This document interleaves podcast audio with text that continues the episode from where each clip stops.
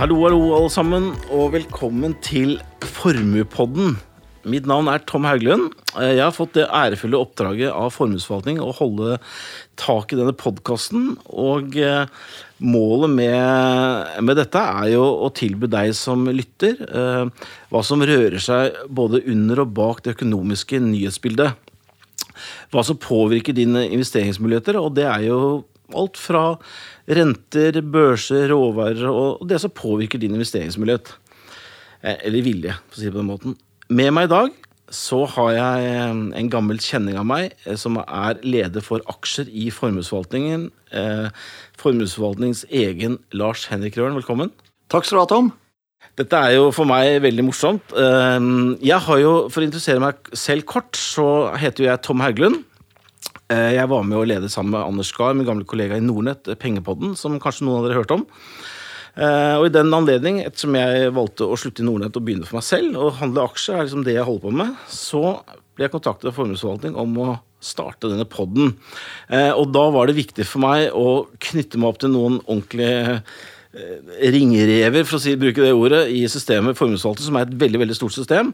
Og da var det ikke vanskelig å gå langt for Lars. Vi har jobbet, Lars var min sjef før. Eh, utrolig kompetent. Eh, vært leder, er leder nå for aksjedelen i formuesforvaltning. Han har jo vært eh, med å starte Sissener-fondet eh, sammen med Petter Sissener. Vi jobbet jo sammen alle sammen før, i Kauting for mange år siden. Du har ledet eh, analyseavdeling for energi i SEB. Eh, You name it. Du har vært overalt, egentlig, Lars. Kan du ikke fortelle bitte litt kort? Er det noe, mer, er det noe jeg har glemt der, da? eller? Nei, ikke glemt. Mr. Shale, kanskje? Ja, ja, det kan vi komme tilbake til. Det er kanskje det at jeg har en sånn eh, bred erfaring da, vet jeg både har vært eh, megler og analytiker og forvalter for, med valg av enkeltaksjer, og nå en form for forvalter med hvor vi velger fond. Ja. Så er det egentlig jobben i dag er. Det er jo en eh, porteføljekonstruksjon og, eh, og seleksjon av, eh, av de beste globale forvaltere. Og for så vidt også nordiske forvaltere inn i vår nordiske portefølje. Ja, Du er vel formuesforvaltningens kunder litt sånn som skal gå og overvåke og passe på at de gutta som forvalter pengene til kundene, gjør som de sier de skal gjøre? Er det ikke litt sånn? da? Nei, vi overvåker ikke. Det er, vi er litt sånn todelt på en, at vi har rådgiverne våre som sitter i en førstelinja mot kundene, og så jobber vi med, eh, med investeringsløsningene i investeringsavdelingen. Der er vi en eh, 20 par tusen stykker, og eh, delt opp i fire aktiva-klasser. Hvorav, hvorav aksjer er den ene. ikke sant? Og de andre tre er eh, renter. Og det er en eh, tredje er eh, hedgefond. Og så er det alternative investeringer hvor sånn som eh, eiendom og private equity ligger. Typisk. Nemlig. Det er et uh, stort system du jobber i, eh, Lars. Og eh, i den anledningen var det jo nettopp for, å starte denne poden, var nettopp fordi at eh, kundene og, andre lyttere skulle få få litt synergier, spør du meg, da, på den sterke internkompetansen deres. Men eh, Lars, det er ikke sikkert at Lars kommer til å være med her som gjest hver eneste gang. Det er vel kanskje ikke helt planen. Han har masse han skal gjøre ved siden av dette her. Men i ny og ne skal Lars være med, og vi kommer også til å knytte oss til andre eh, krefter internt. På, som du sier, vi drar sterke mennesker på renter og makro etc. Men um, for å holde en, ha en liten rød tråd i dette, her, Lars for jeg, eh, Du og jeg kunne jo sitte og prate om dette her i timevis. Uh, vi har lagt opp til et sånn ca. 30 minutters løp. Jeg er litt skeptisk til det. Jeg frykter at vi kan gå litt over, men jeg skal prøve å holde tak her. Uh, vi skal snakke litt om børsen overordnet. Uh, tanken er liksom Headline for podden, denne, denne episoden er liksom det året vi har lagt bak oss. Og snakke om ta ut noe av de viktigste punktene som er eh, mye fokus om dagen, er dette med renter. Eh, vi skal snakke litt om handelskrig mot versus klima. Eh, vi skal selvfølgelig snakke om OPEC. Det er ikke, senest forrige uke sto jo Øystein Spetalen på Sparebank1 Markets sin konferanse og snakket om Mr. Shale Lars Henrik Røren, så da må vi komme litt tilbake til det, hva han mente med det. Og så skal vi avslutte med å, å se hvordan vi ser for oss et nytt år i møte. Ja. Er ikke det en god plan, Lars? Lys som en god agenda. Tom? Bra. Da kan vi begynne med, Lars, eh, børsen overordnet. Vi hva skal man si, startet fantastisk og endte med et krasj, eller hvordan hvor, Ja, vi er jo nesten endt eh, 2018 nå, men det er helt riktig at eh, det som ikke preget starten vår, har preget det mer og mer. Og i sum så kan vi jo si at eh, summen av alt vi snakker om, handelskriger og rentepraten og alt mulig, i bunn og grunn så skaper en usikkerhet, og det går på egentlig fremtidsutsiktene for global økonomi. Altså aksjer som aktiva klasse. Eh, viktigste faktoren der er jo økonomisk vekst. Vi vet at aksjemarkedet tenderer til å gjøre det bra i perioder, eller best i perioder med økonomisk vekst, og, eh, og vice versa. Og det er klart, når det da sås eh, tvil eh, pga. mange faktorer eh, om denne viktige driveren for aksjemarkedet, så blir det uroligheter. Så fra noe som startet egentlig ganske bra helt på starten av året, eh, for enkeltmarkedet, så ble det litt mer, eh, litt mer eh, trøblete utover. Men nå, de siste to månedene, så har det jo virkelig blitt alvorlige og betydelige nedganger. Mm. Både for enkeltland, regioner, sektorer og ikke minst en del enkeltaksjer. Som jo, det er jo mange aksjer som har halvert seg, og mer enn det. Ja, hvis vi ser, hvis vi snakker det, altså Overordnet, hvis vi ser på indeksene, så er det ja. sånn Oslo er jo basically var jo opp masse. Nå er vi basically null. Uh, jeg, så, jeg, tok en sånn oversikt og sjekket. Uh, Tyskland er jo nesten ned 20 mm. uh, Dårligste markedet i Europa. Ja. Sverige har også vært dårlig. Vært ned, er ned 5-6 og, og det er har, dårligste i Norden. Ja.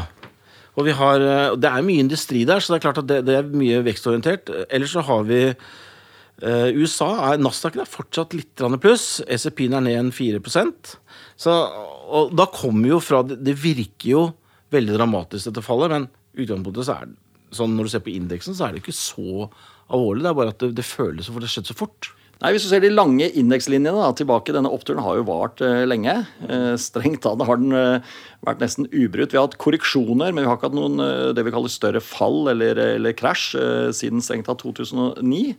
Og, og, sånn sett så ser det fallet eller korreksjonen vi har hatt nå, i det lange bildet, så blir det ikke så synlig.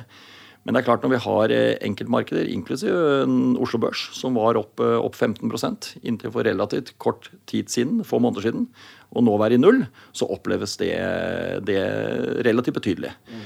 Eh, spesielt når vi ser ned på enkeltaksjenivåer, hvor det har, hvor det har eh, kollapset for en del sektorer og enkeltaksjer.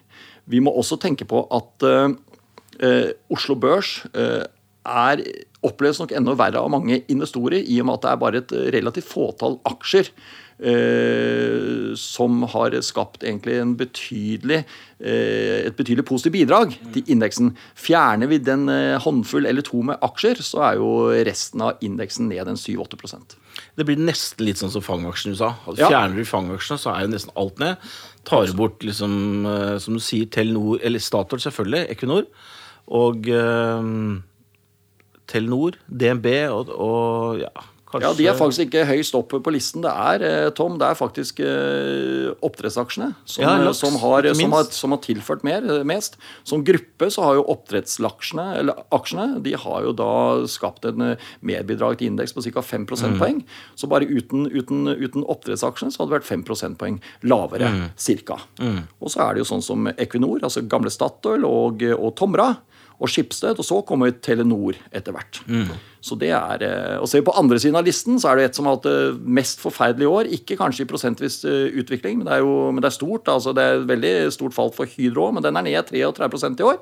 Og har isolert seg i seg selv skapt et negativt bidrag på, til indeks på 2,7% i minus. Nemlig. Så, eh, og så er det jo Subsea, som har hatt et dårlig år. Uh, Subsea 7, som er ned 30% og Orkla også 16% ned.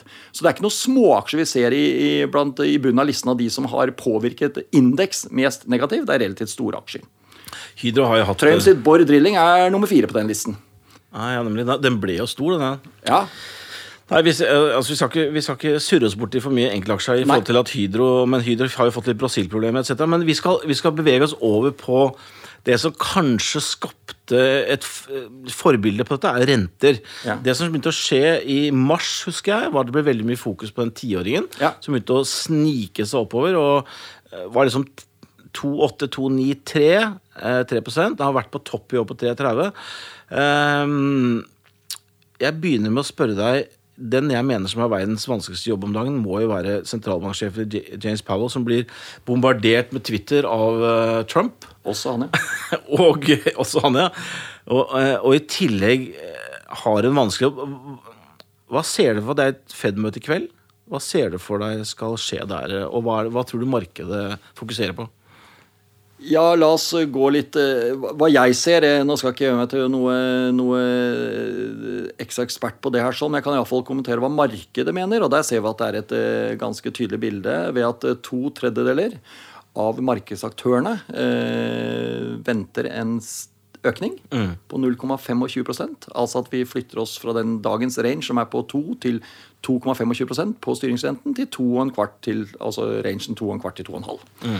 Det vil da i så fall være den, ni, niende renteøkningen siden eh, vi startet renteoppgangen eh, på styringsrenten i USA i desember 2015. Så, men det er blitt sådd litt mer tvil om dette her. For det er klart dette er det jeg kan ha en mening om. Det er liksom eh, hvorfor denne renteøkningen, hvorfor nå? Jeg forstår de som sier at det ikke er grunnlag for det. Det har jo på det seneste blitt mer uro i verden. Det har skapt mer usikkerhet rundt økonomien. Eh, det, har, eh, det, er også et lite problem, eller jeg vil si en ganske stor utfordring for USA, at eh, dollaren er sterk i forhold til en del andre valutaer. Og det blir også et poeng når president Trump også da vil bedre f.eks. handelsbalansen overfor Kina.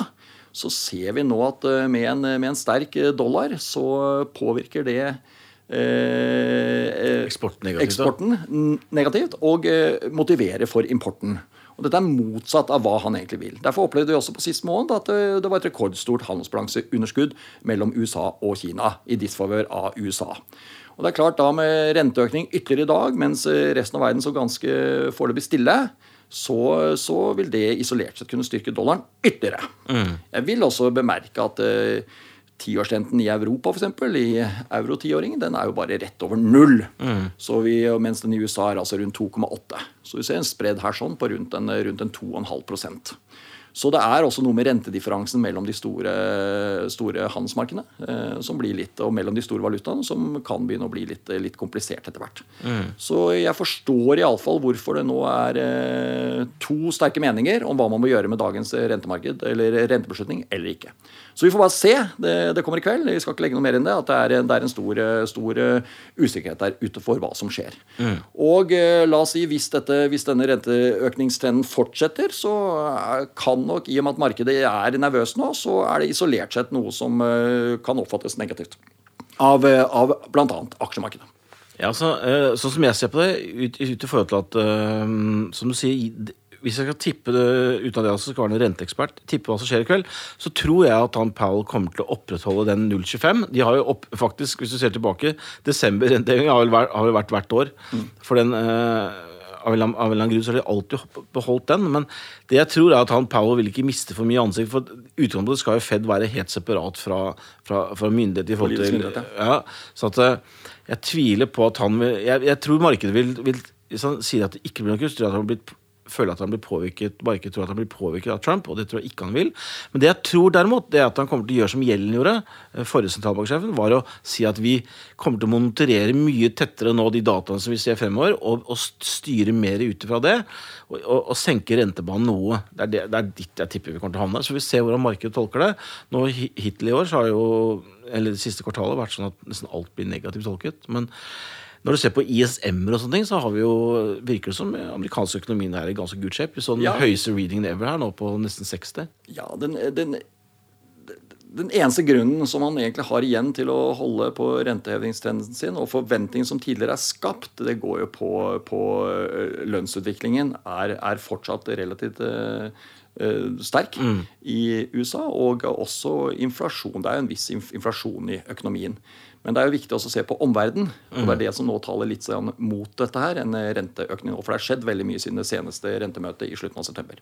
Så, så vi får eh, Eller hvordan sist hevet mm. renten. Så vi får, vi får se.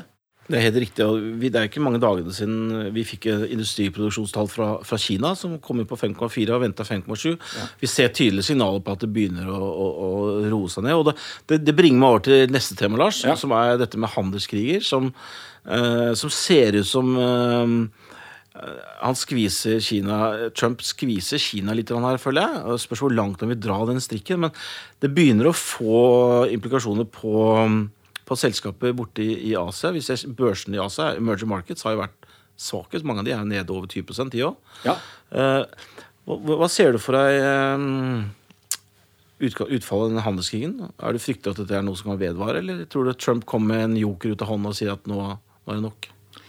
Nei, men la oss gå tilbake til det jeg sa nettopp om denne handelsbalanseunderskuddet han har med Kina. da. Det er klart at uh, dette her det viser nok at han går inn i i denne, De har en form for en sånn grace-periode nå. De skal, de skal, snakke sammen før dette neste steget med økning av, av tollsatsen til 25 mm. som var planlagt rundt årsskiftet. Det er, det er fredet litt. Det er Trump har jo fått litt som vann på mølla når han så det store handelsbalanseunderskuddet.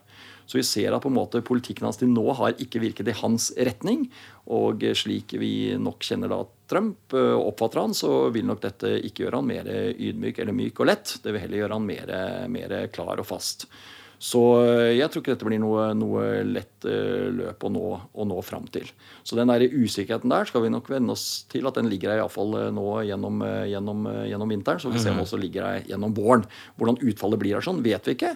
Men det er en det er, dette det vi ser nå med Kina og USA, det er mer symptomet nå på, på større, en større utfordring. Det er at vi, vi, ser at det blir mer og mer fraksjoner i de forskjellige regionene. Både politisk, men også innad i regionene, men også mellom regionene. Så, og ingen er egentlig så særlig nødvendigvis bedre enn andre her. Det er mer måten eh, man sier det på, eller hvordan retorikken er, eh, hvor Trump fremstår litt med sin litt sånn egen stil. Men vi må ikke glemme at også EU har et eh, relativt sterkt eh, proteksjonistisk system og eh, med relativt harde handelsbarrierer. Mm. Jeg skal ikke komme inn på her om Trump har et poeng eller ikke poeng, men er, vi, snakker, vi, vet i dag, eller vi, vi har en såkalt vi har en global handelsavtale. Kina kom med var det rundt år 2000. Men så ser vi også at det er, det er også en del fortsatt store handelsbarrierer mellom de forskjellige land og regioner. Og så, så dette her kommer til å pågå litt. Dette er ikke løst over natten. Så dette vil ligge som en litt sånn uh, usikkerhetsmoment for, uh, for uh, alt som har med verdensøkonomi og, og fremtid å gjøre. Altså være en usikkerhet. Mm. Så dette er ikke løst over natten.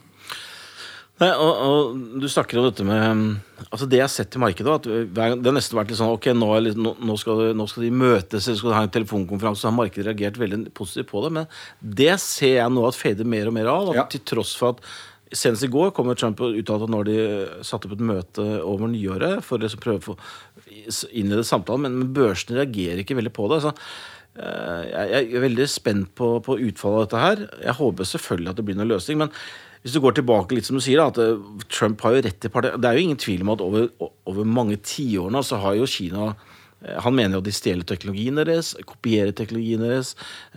Dette er jo noe vi egentlig har vært vitne til skjedd over lang tid. Så så sånn sett kanskje han har et poeng, da, ta tak i dette her nå, før, uh, før det fortsetter. Litt spøkefullt kan vi si at det vi her uh, omtaler som copyrights, det, om det ser kineserne som copy it. Og, og det er klart, den er, det har vi sett over en lang tid her. Det var litt spøkefullt sagt. Nei, dette her er ikke noe det er, Og vi ser også den seneste retorikken ut av Kina. Senest for et par dager siden så var det klokklart at de skal ikke ha noe innblanding i interne anliggender og slike ting. Så, så fronten er ganske steile. Mm. Så kan ikke vi si noe mer enn bare å observere det. Og det er den usikkerheten som, som preger markedene i dag. Mm. Eh, og som eh, leder oss over senere over på oljemarkedet og råvaremarkedet generelt. Mm. At eh, de er også veldig følsomme for fremtidsutsiktene for global økonomi. Og vi kan vel si at de er kan, det er mange ting som tyder på at vi kanskje er på litt på vei over kanten. Jeg sier ikke ut i et stup, men vi er på vei over, det, over kanten. Mm. Og med det mener jeg kanskje at, den, at veksttakten, i den grad det blir vekst, den blir, den blir, avtagende fremover enn det vi har sett de siste årene. Nemlig. Og det er, Dette er litt sånn klassisk der vi er eh, langt ute i, ut i sykelen nå. Mm. Og Det er alltid ubehagelig når man, når man, opplever sånne ting. Jeg vil også bemerke at Det er ikke det viktigste for aksjemarkedet som sådan egentlig om vi går inn i en resesjon eller ikke. Det er ikke, det er ikke nivået. Det som påvirker aksjemarkedet og risikoklasser, det er retningen. Mm. Og til nå de siste årene har retningen vært, eh, vært riktig veien. Mm. Nå kan det tyde på at retning går litt feil vei. Så vi skal ikke, som eh, jeg mener jeg opplever at en del sier, at vi må ut i en reell resesjon i USA eller andre deler av verden for at dette går ordentlig dårlig. Nei, eh, markedet starter å bli nervøst bare vi får en retningsendring til det, til, til det dårligere. Og aksjemarkedet og rentemarkedet er og forblir ledende indikatorer på økonomien. Sånn har det vært, og det forholder vi oss til. Så det vi ser nå i aksjemarkedet og rentemarkedet, det, det, det er eh, iallfall en, kan være en ledende indikator på at det ligger litt mer eh, urolig vann foran oss. Så får vi se hvor, hvor ille, hvor alvorlig det blir. 100 enig, Lars. Og det bringer meg litt over til dette med Jeg var senest i podkasten med E24 her på fredag, den E24-podden, og da, da, hadde han Leif Rune Rein fra Nordea i studio. Og jeg merker den sensen du, som, som du snakker om, at liksom, ja, men ting går bra, og, og, og økonomien vokser bra, og det blir litt Kanskje, kanskje vi justerer justere bitte litt ned, P1 har kommet ned. Men da blir jeg, det bringer meg inn på Men det er jo ikke det vi sitter og diskuterer. Det vi diskuterer, er hvor skal børsen? ikke sant? Ja. Hvor skal markedet? Markedet priser gjerne 12-18 måneder frem i tid. Og som Eirik Spetalen gjerne bruker snakker om han snakker om dette med annenderiverte, som jeg tok opp i den Ja. podden nå. Altså, hvis en annenderiverte er opp, veksten er der, så, så, så, så analytikeren sier da plotter de et høyere og høyere tall for hvert år og kommer fram til et kursmål.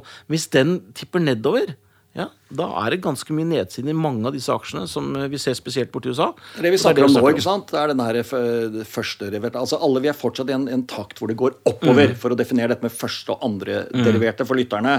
Så den, liksom, den underliggende lange streken er oppover, men så er det liksom er det like mye opp neste halvår som det var det forrige halvåret, og det neste halvåret deretter? Og det er nei.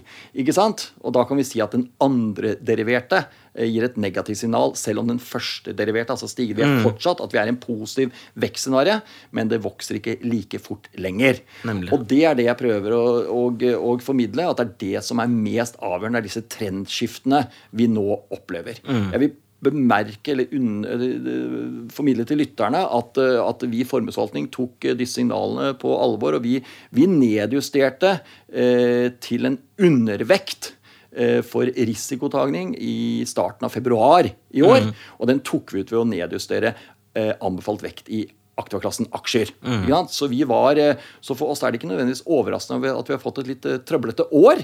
Eh, Det meldte for så vidt også på vårt kundearrangement i midten av januar i år. Mm. At dette ble et vanskelig år. Helt i motsetning til hvordan det var i 2017, som var et fantastisk år. ikke sant? Så, så jeg sier ikke at vi hadde ventet akkurat det forløpet vi nå har sett de siste månedene, men jeg er ikke, jeg er ikke, jeg er ikke dypt overrasket uh, over det er sånn. Ikke sjokkert heller. Uh, det er naturlig at, uh, at dette kommer. Det vi opplever nå, er jo mer Kanskje litt i overkant, men det er jo det er mer det at vi har, vi har glemt de siste to årene hva årlige svingninger vil si. Vi har vært, det har vært fravær av det. Det er mer unntaket. Regelen er litt mer det vi har, har opplevd nå i år. Så får vi se om dette er starten på noe større, virkelig alvorlig, eller om det retter seg litt til igjen. Eh, det har vi ikke svar på nå. Men en usikkerhet er skapt. Og det er det vi tar med oss nå inn i 2019. Eh, Så vi står fast på vårt syn at det er, eh, det er, vi, er, vi er litt sånn på topp på mange indikatorer. Og eh, tilbake til denne andre deriverte, den peker nedover. Da skal vi bevege oss over på et tema som jeg elsker, og jeg vet at du også elsker, Lars, er jo olje. Og det er klart at olje påvirker Oslo Børs, Ja. uten tvil. Eh, Vi har nettopp lagt bak oss et, eh, et OPEC-møte. Jeg skrev senest i, jeg skriver litt for Finansavisen hver mandag. skrev jeg senest på mandag at eh, jeg følte at OPEC eh, kuttet dette med pistolen til tinningen. Men eh, oljeprisen har bare falt etterpå. Kan, vi ikke, kan, du ikke gå, ta oss gjennom litt av hva som har skjedd med oljen i år, Lars? Jo, det har eh, Det er jo flere ting her. Vi har jo hatt en uh, ny innføring av, eh, av Iran-boikotten. Den har latt seg vanne litt ut ved at stadig flere land har fått lov til å ta imot Iran-olje likevel. Eh, Så effekten på totale tilbud- og etterspørselsbalansen har ikke blitt like sterk ved at man trodde at fraværet av den oljen skulle påvirke oljeprisen i større grad positivt. Så den effekten er blitt mindre. Så, så har vi sett at eh, om ikke på hver måned, men i nesten så har amerikansk skiferoljeproduksjon overrasket på alle fronter. Og eh, samtidig så ser vi helt på det seneste nå at også etterspørselsveksten Nå er det igjen tilbake til denne andre deriverte, for det er jo, en, det er jo fortsatt en god etterspørselsøkning. Men eh, vi har sett litt nedjusteringer på den de siste månedene. Både i nåtid, men også hva vi forventer fremover. Så altså etterspørselsveksten i 2019 var litt høyere forventet for noen få måneder siden enn det den er nå. Så summen av dette har gjort at det er blitt et, et, lite, det er blitt et overskudd av, av olje i markedet og eh, gjennom eh, sensommer og høst. Og det er det OPEC håndterer. eh, prøver å håndtere. Oppå dette her i markedet så ligger jo frykten for da, det vi snakket om en økonomisk vekst og utvikling fremover. Og vi vet at det er sterk sammenheng, korrelasjon, mellom eh, energi og derav eh, oljeforbruk, og også økonomisk vekst. Så hvis vi nå er litt sånn etter en lang økonomisk eh, opptur, da, er litt på, på toppen her, så, du, så, får du kanskje ikke noe hjelp i olje- og råvaremarkedet generelt av den underliggende økonomiske globale veksten lenger på samme måte. Så summen av dette her er gjort at man har kommet i en sånn, i en sånn uh, ubalanse mm. på dette her, og den prøver OPEC å håndtere. Jeg er ikke enig i måten OPEC gjør det på. Jeg tror ikke De de har prøvd dette før. Jeg tror ikke de klarer å stagge veksten på den eh, måten her. Eh, jeg tror faktisk heller litt omvendt. Mm. At de nesten skulle økt produksjonen og, lave, å skape seg selv et, det jeg kaller et uår, men virkelig få satt amerikansk skiferoljeproduksjon tilbake mm. ved å få prisen ordentlig lav. For eh, etter at de hadde gjort det, så ville høyst sannsynlig fått tre eller fire veldig gode år mm. før, eh, før, eh, amerikanerne hadde kommet seg på banen igjen. På beina først, ikke sant? så på banen, og så mm. økt produksjonen igjen. Så jeg tror at dette er ikke et, det er ikke et virkemiddel som, som virker. Jeg skrev en mail til noen forbindelser den, den dagen de kutta, sa at dette var en gave til Mr. US Shale. Mm. Han snakket ikke om meg, han snakket om de mm. aktørene der borte. For de, dette vi bare, alle trodde at dette skulle øke prisen, og det ville bare skapt enda mer produksjon i USA. Så øh, Vi skal ikke gå for mye detaljer, mm. men det er en ubalanse. Mm. Man klarer ikke helt å håndtere den. Og oppå dette her så ligger i tillegg hvor er vi i den økonomiske sykkelen. Mm. Ikke sant? Og det, er, øh, det, gjør at det er skapt frykt i oljemarkedet og i en del andre komponenter av råvaremarkedet. Det som er litt som, som er for mange også veldig overraskende, for meg også, det er at vi, vi, har, vi begynte jo året med at liksom både Venezuela og Libya og disse landene overrasket på nedsiden. Vi så, vi så eh, Torbjørn Kjus, som jeg har hatt i podkast flere ganger, sier liksom at Oi, Venezuela kom tilbake mye mer, alt er gærent. Og så, så var det liksom sånn det var ingen som ikke snakket om oljeskulden i 100, og noen begynte å snakke om 130, og JP Morgan snakket om 400 altså, Det ble helt panikk. Men det er dævende fort det endrer seg. Ja, det gjør det absolutt. Vi kan bare gå noen få måneder tilbake, så var jo alle enige når vi lå da på disse her eh, høyt 70 eller eh, lavt 80-tall. Og veldig mange begynte å snakke om 100 eh, før jul, og, mm. eller på kort sikt. Og oljeprisestimatene for neste år for, veldig, for konsensus lå jo egentlig på pluss-minus ja, 75-80-85 mm. dollar. Right? Og der ligger det fortsatt. fortsatt. Mm. Det er få som har justert det ned enda. Men det, men det kommer.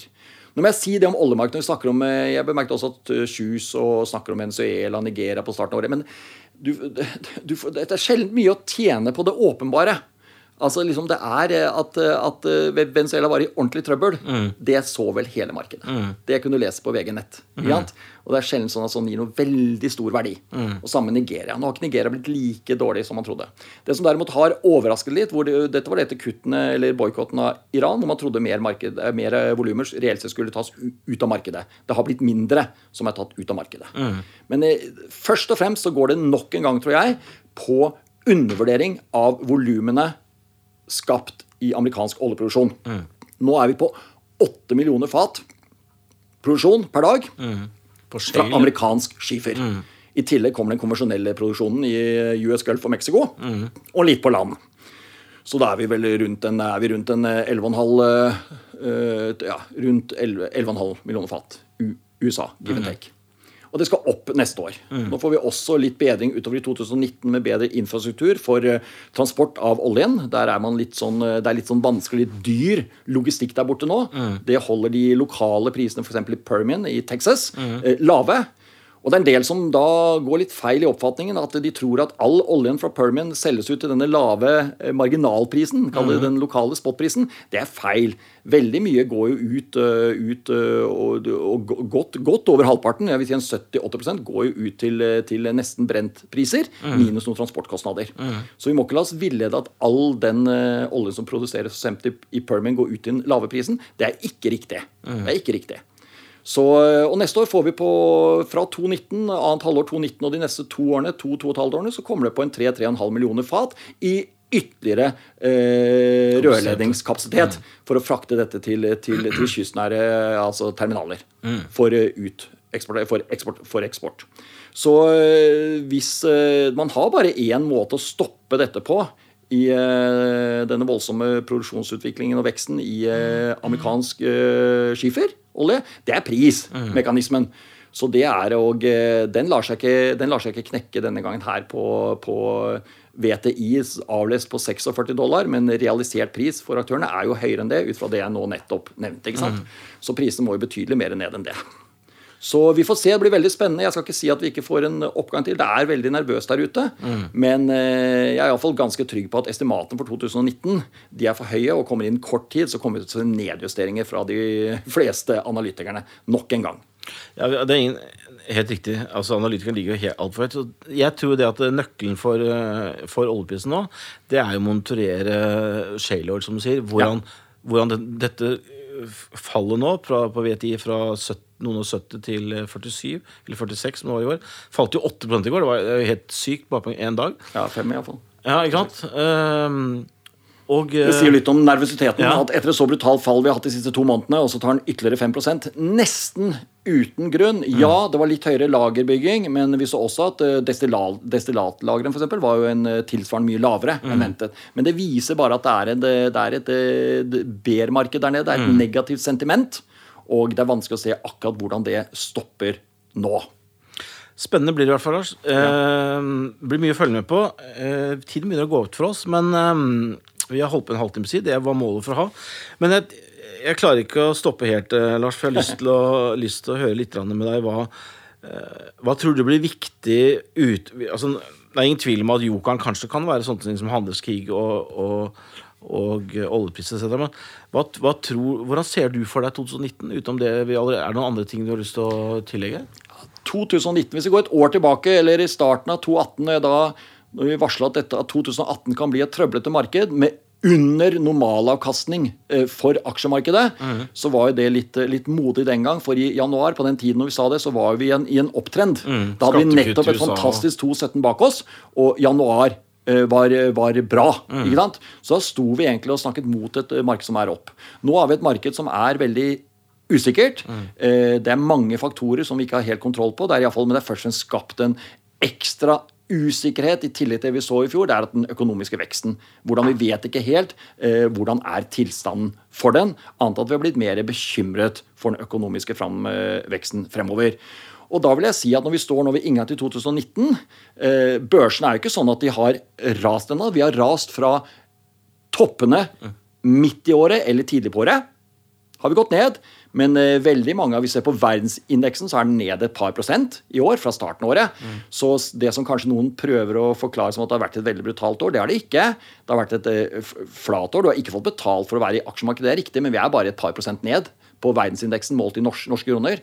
Så med den uroen som er nå Jeg kan ikke, jeg kan ikke med beste uh, vilje si til våre kunder at dette dette kommer til å gå bra med, med renteutviklingen, renteutvikling, det kommer til å gå bra med handelskrig, eh, politiske uroligheter, brexit og slike mm. ting. Alt dette her er spørsmålstegn nå. Og eh, da er det bare egentlig å melde tilbake at eh, de usikkerhetene vi opplever nå, de vi hadde meldt for 2018, de er naturlig også å melde videre for 2019. Vi er, vi er fortsatt på veldig høye indeksnivåer eh, i Eh, i forhold til historien. Mm. Vi er på høye prisningsnivåer. Og så får vi bare se nå, nå er det riktig at P-en i PE-multiplen mm. den har falt ned på en del aksjer. Mm. Så får vi se hvor robust E-en er, altså earnings fremover. Holder estimatene eller ikke? Personlig tror jeg det er mer risiko på nedsiden. Altså det er, det er risiko for justeringer nedover på estimatene enn omvendt. Mm. Og da er det vanskelig for å se at dette markedet her skal finne nytt sterkt moment eller sentiment oppover. Så her og nå vil jeg si at uh, vi fortsetter vår, vår undervekt risiko. Den tar vi ut i undervekt av aksjer. Og eh, jeg er veldig glad for måten vi tenker på i formuesforvaltning, og, eh, og hvordan jeg har sammensatt min globale aksjeportefølje og nordisk, for den er spredd utover forskjellige stiler, regioner, sektorer og slike ting. Så denne, Når ting er usikkert, så må man diversifisere seg. I alle fall. Det er regel nummer én, og ikke gå spist mot noe. Og Det kan kanskje lede meg til at si at Oslo Børs er jo fortsatt veldig spiss. Mm. Spisset mot hva som skjer i oljemarkedet. Mm. Og det er jo litt bekymringsfullt at vi står jo foran en del store refinansieringer innenfor oil service i uh, de kommende to årene. Mm. Ting som nettopp uh, Det var en del selskaper som møtte motbør uh, på ba ba balansen sin i forrige nedtur, altså i 2015-2016.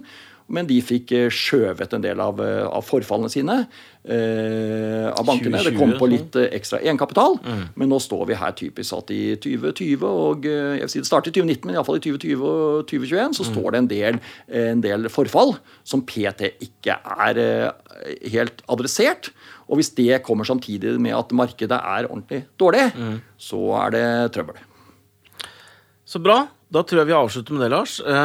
Jeg er ikke bare negativ, forstår det rett, men jeg sier bare det er masse usikkerhet. Ja, men det. Jeg er helt enig med deg. Jeg, jeg tror jo, jeg har sagt det hele tiden, jeg tror børsen er lavere neste år enn hva den er nå. Oslo Børs.